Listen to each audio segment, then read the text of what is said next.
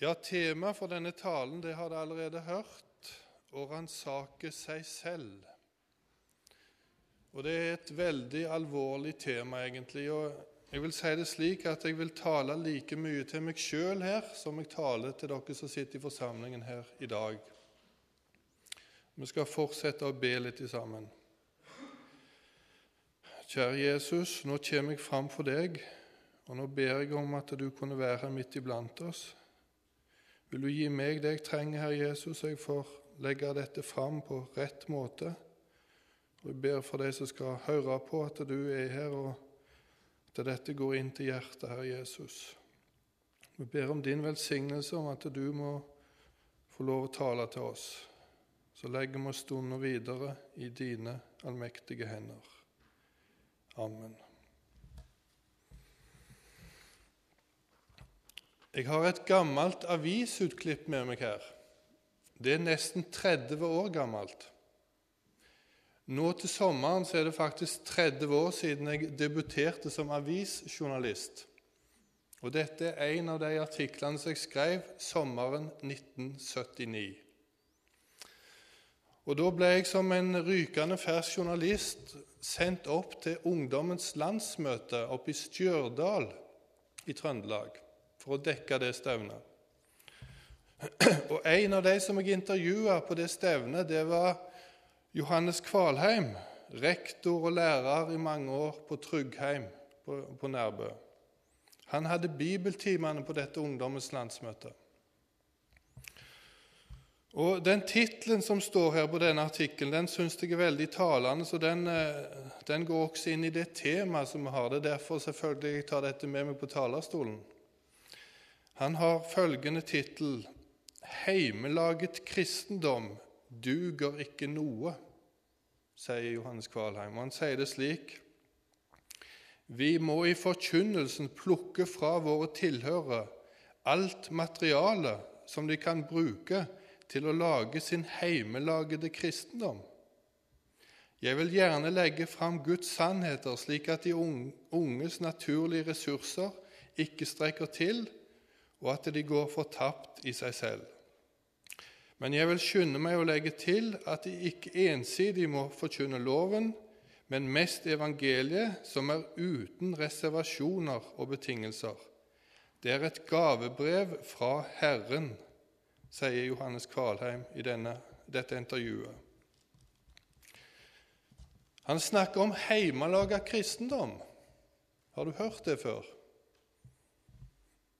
Hva kan det være for noe? Jo, det kan faktisk være alt det som vi mennesker kan finne på av egne krefter for å bygge en kristendom som ikke holder på dommens dag. Og Da skal jeg stanse for noen av disse tingene. Og Da jeg trekker fram et par-tre ting her, så er det ikke for at vi skal slutte med disse tingene. For all del, heller motsatt. Men det må ikke være det som er grunnvollen som jeg og du bygger vår frelse på.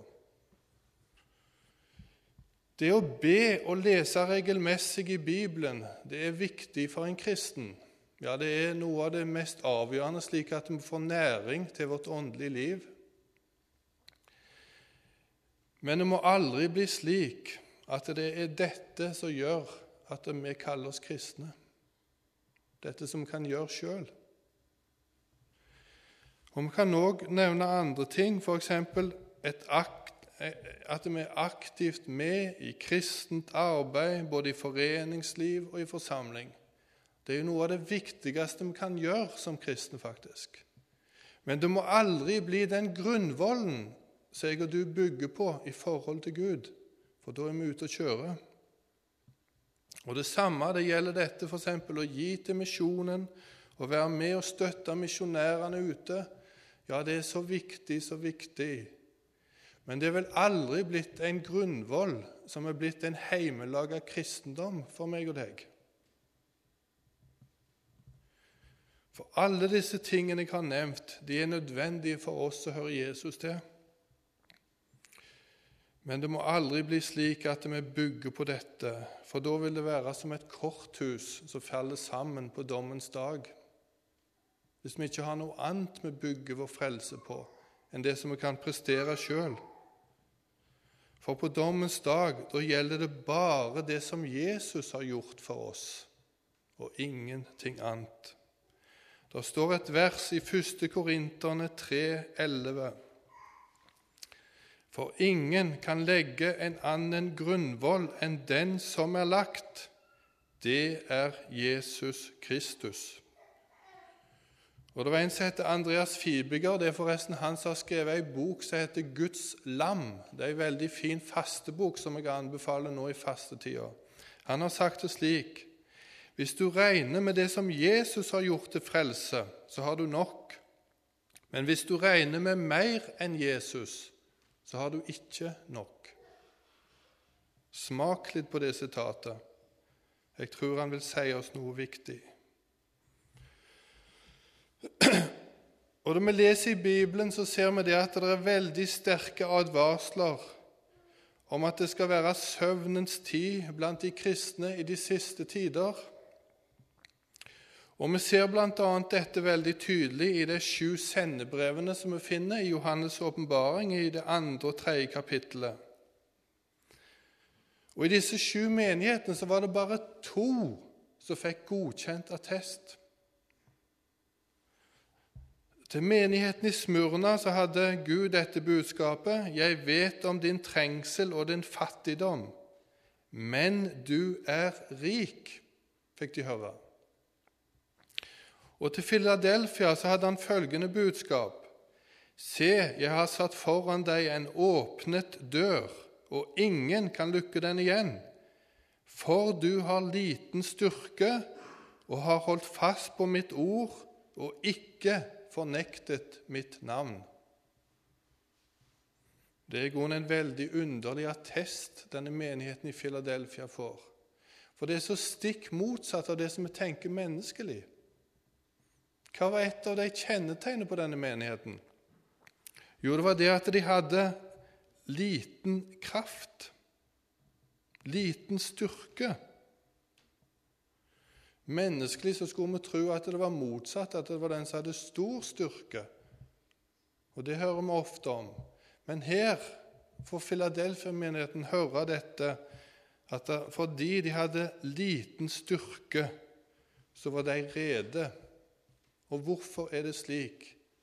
Jo, for den som har liten styrke i seg sjøl, han må søke et fundament utenfor seg sjøl. Og da må en fly til Jesus og det som han har gjort for syndere. Da må en ta imot det som han har gjort, og da er det det som gjelder, og da er en rede. Vi skal bare ganske kort stanse for de fem andre menighetene her. De fikk følgende alvorlige budskap. Efesus, f.eks.: Jeg har imot deg at du har forlatt din første kjærlighet.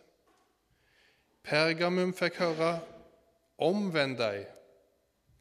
Og til Tiatyra så lød det 'Jeg har imot deg fordi du tåler kvinnen Jesabel'. Og til Sardes 'Du har navn av at du lever, men du er død'. Og i Laudokea 'Fordi du er lunken og verken kald eller varm, vil jeg spy deg ut av min munn'.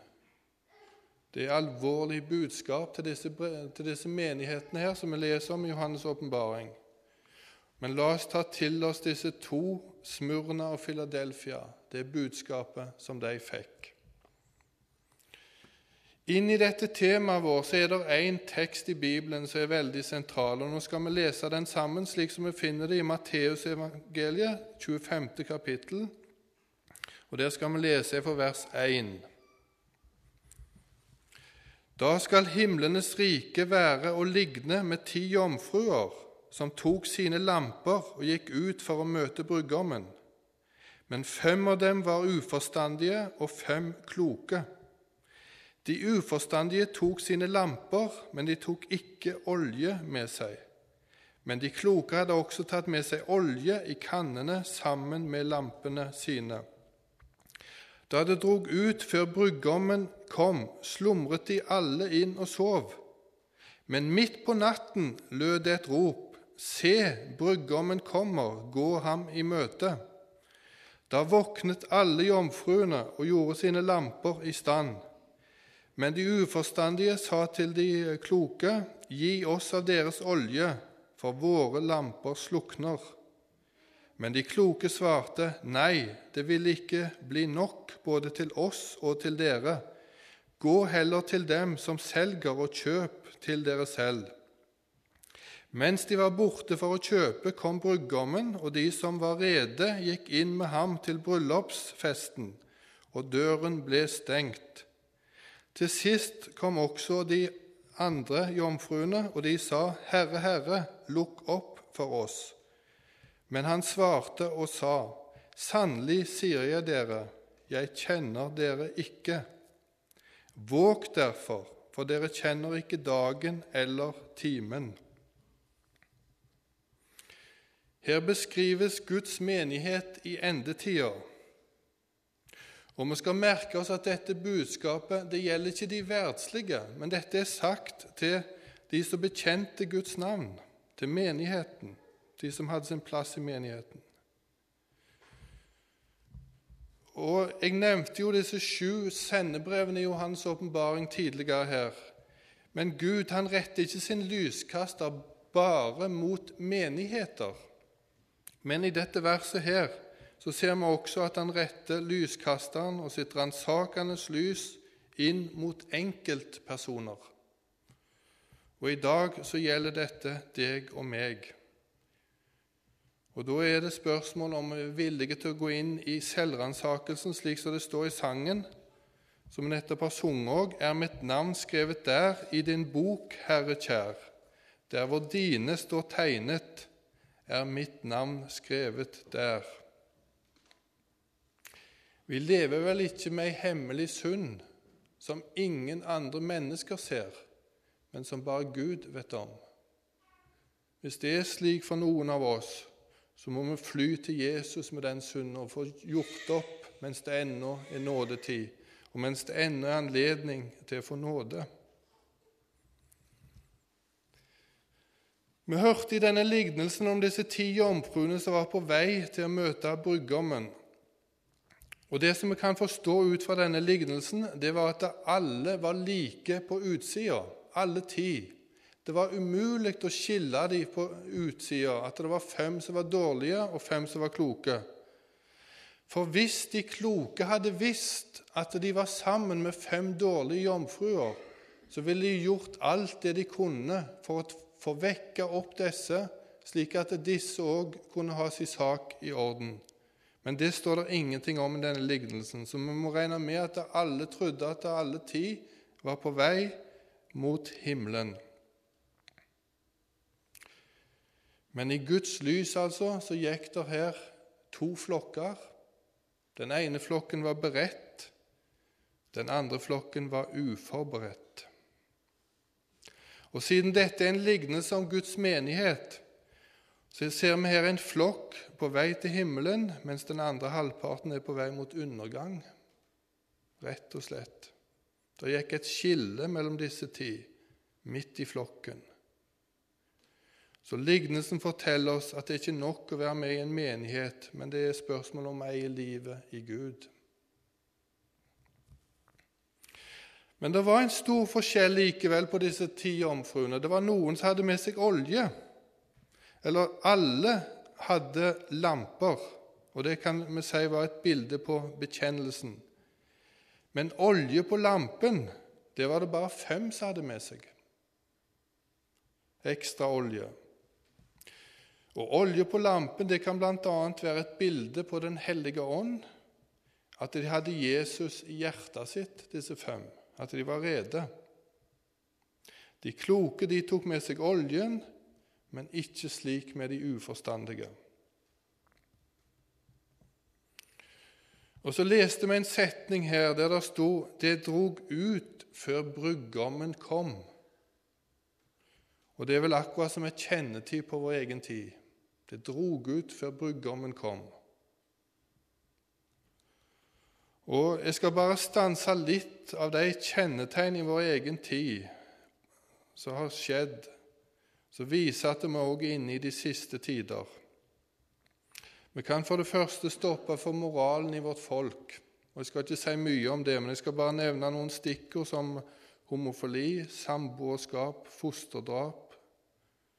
Og vi kan spørre oss hvor lenge orker egentlig Gud å se på våre synder i vårt folk?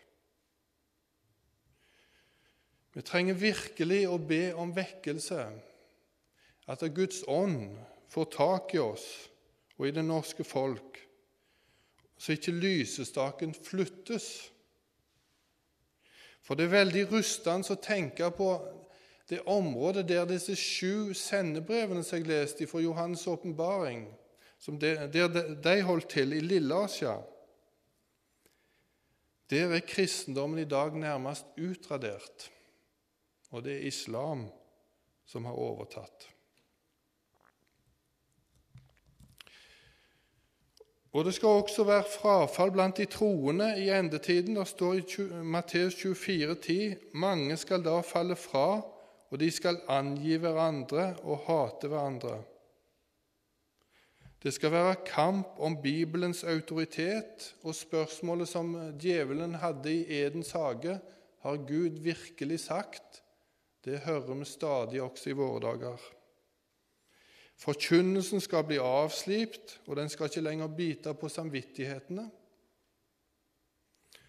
Evig fortapelse forties og tåkelegges, og falske profeter skal stå fram og forføre mange. Og Det står også et alvorlig vers i Matteus 24, 12. Kjærligheten skal bli kald hos de fleste. Og Så kan vi stille det ransakende spørsmålet hvordan er det med kjærligheten blant oss som hører Jesus til. Men det skal òg være et kjennetegn til i endetiden, og det skal være ei veldig misjonstid. Matteus 24, 14 sier det slik.: Og dette evangeliet om riket skal bli forkynt over hele jorden til et vitnesbyrd for alle folkeslag, og så skal enden komme. Da skal vi gå tilbake til disse ti jomfruene, så, så ser vi det at det står her at de slumret alle inn og sov.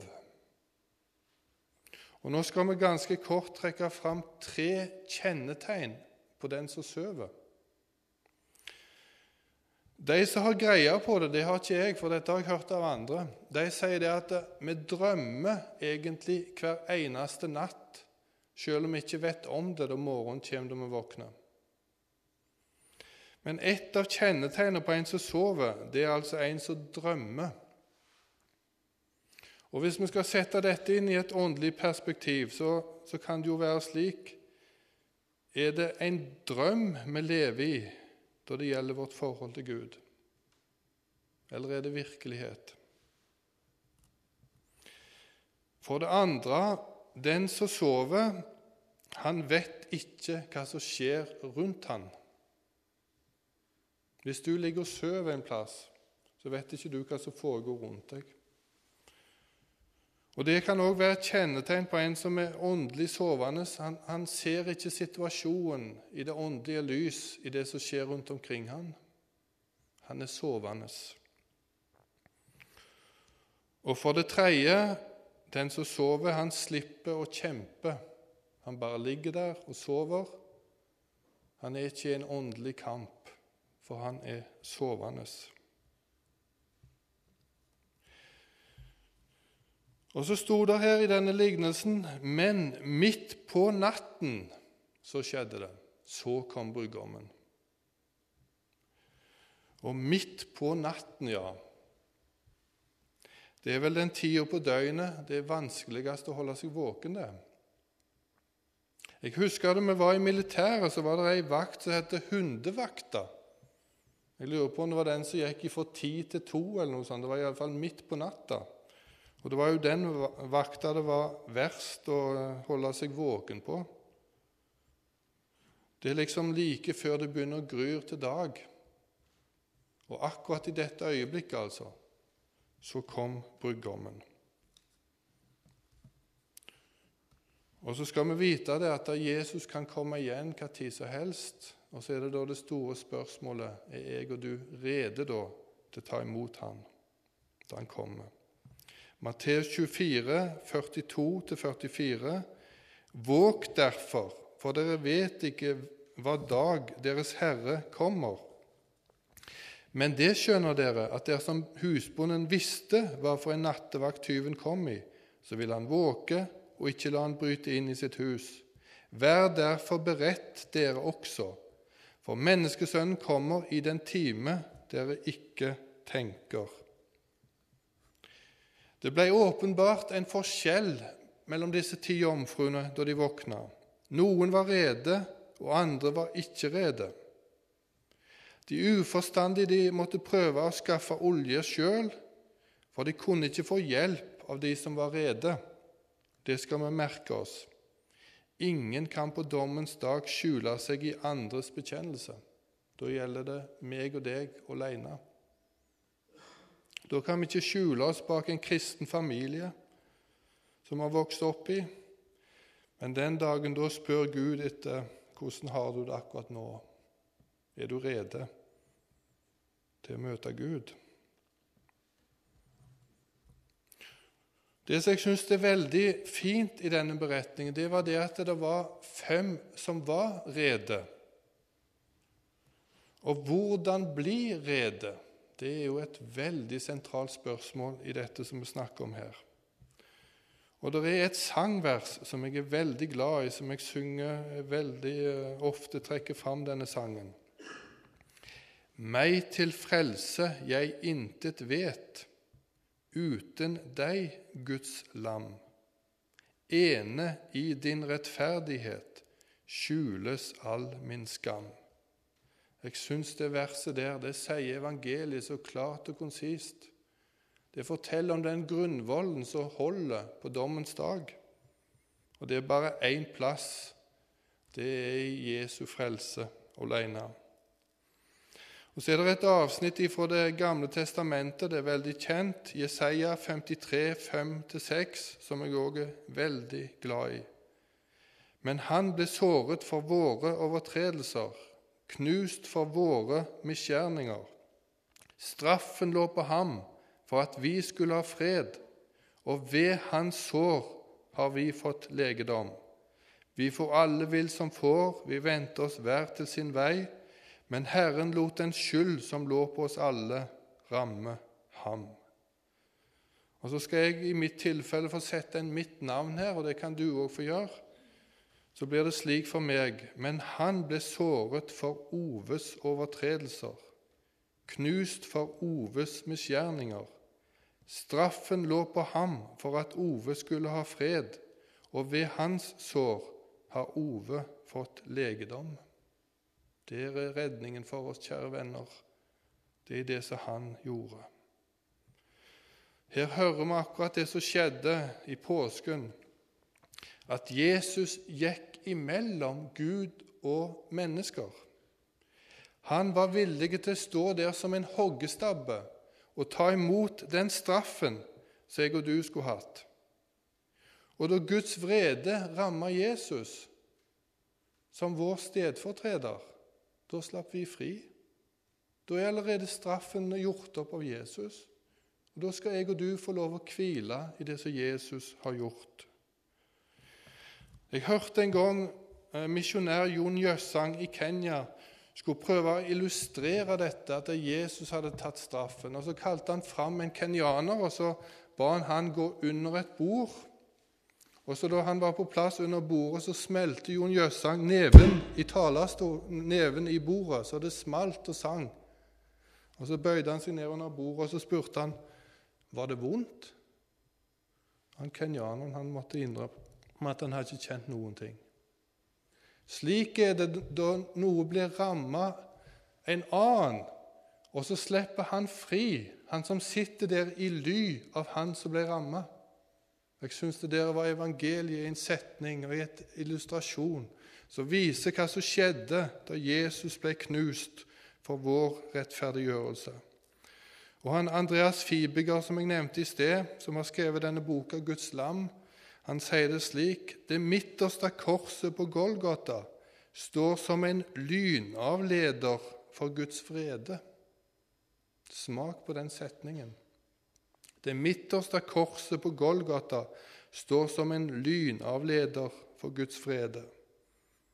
Så treffer altså Guds vrede for alle mine synder. Den treffer han på det midterste kors. Og så er det et fristed i ly av korset, for der når ikke Guds frede meg, for den ble tatt opp av Jesus. Og Da sier, Jesus, sier Gud det at nå har jeg straffa Jesus, og da skal du få slippe fri. Da er det ingenting igjen som står mellom meg og deg, for Jesus har rydda det vekk ved det at han gikk i vårt sted og døde for alle våre synder. Og Når vi da bygger på denne grunnvollen som han har gjort i stand til frelse, så er vi ren og rettferdige, vi er himmelen verdige i det som han har gjort. Og Dette er ikke noe heimelaga kristendom, ser du, men det er en kristendom som Gud sjøl har laga. Og da holder det, for han vet hva som må til for at han skal bli tilfredsstilt med oss mennesker. Det var det at en annen tok plassen og gikk i vårt sted, og så får vi slippe fri fordi det var en som var villige. Og Så formaner Bibelen oss til å være våkne i denne tida, og så kan vi spørre hvordan kan vi være våkne. Jo, det er det at vi skal få lov til å leve i dette verket fra dag til dag, i det som Jesus har gjort. Og Da har han gitt oss disse fire b-ene som vi kjenner Bibel, bønn, brodersamfunn og brødsbrytelse, nattværen. Og dette skal vi få lov til å stadig få lov å leve i og ta til oss av, av disse midlene som hjelper oss til å være våkne på veien til himmelen. Og Så kan vi også spørre hverandre hva skal vi drive med mens vi venter på Jesu gjenkomst? Jo, vi skal få være med og drive misjon, både her hjemme og ute på de forskjellige misjonsfeltene. For det var dette som var Jesus' siste vilje, at vi skulle få være med og forkynne hans storverk, både her i Norge og utover hele verden. Samtidig så er det viktig at vi lever i denne ransakelsen som vi har vært inne på i dag. Og Det står noen setninger i Salme 139, 23-24. Ransak meg, Gud, og kjenn mitt hjerte. Prøv meg og kjenn mine mangfoldige tanker. Se om jeg er på fortapelsens vei, og led meg på evighetens vei. Og så Helt til slutt så vil jeg bare minne om et eh, vers som står i Johannes' åpenbaring 16, 15. Se, jeg kommer som en tyv. Salig er den som våker og tar vare på sine klær. Det høres veldig rart ut. Hva menes med det? Jo, her menes det den rettferdighetsdrakten som Jesus har gjort i stand for meg og deg. Og Da er det så viktig at de har den på oss hele tida, og bare den. Den drakten som han har gjort i stand, rettferdighetsdrakten, som er fullkommen på alle punkter. Den skal jeg og du få lov å leve i ved troen på Jesus Kristus. Og Da er vi rede til å møte Han til enhver tid. Da vi lever på Jesu regning, kunne vi få nåde til å leve der. Kjære Jesus. Jeg takker deg for at du har gjort alt det som skulle til for at jeg og vi skulle bli berget hjem til himmelen. Og Nå ber vi her om at du må ransake oss og se hva vi bygger på, og at vi har vår sak i orden, at vi lever på den grunnvollen som du har godkjent. Vi ber deg om det, kjære Jesus. Så må du stelle slik med oss at vi når hjem, hjem til himmelen. Det er det som er det viktigste for oss. Så ber vi for resten av stunden her, vil du være med og velsigne videre møte. Amen.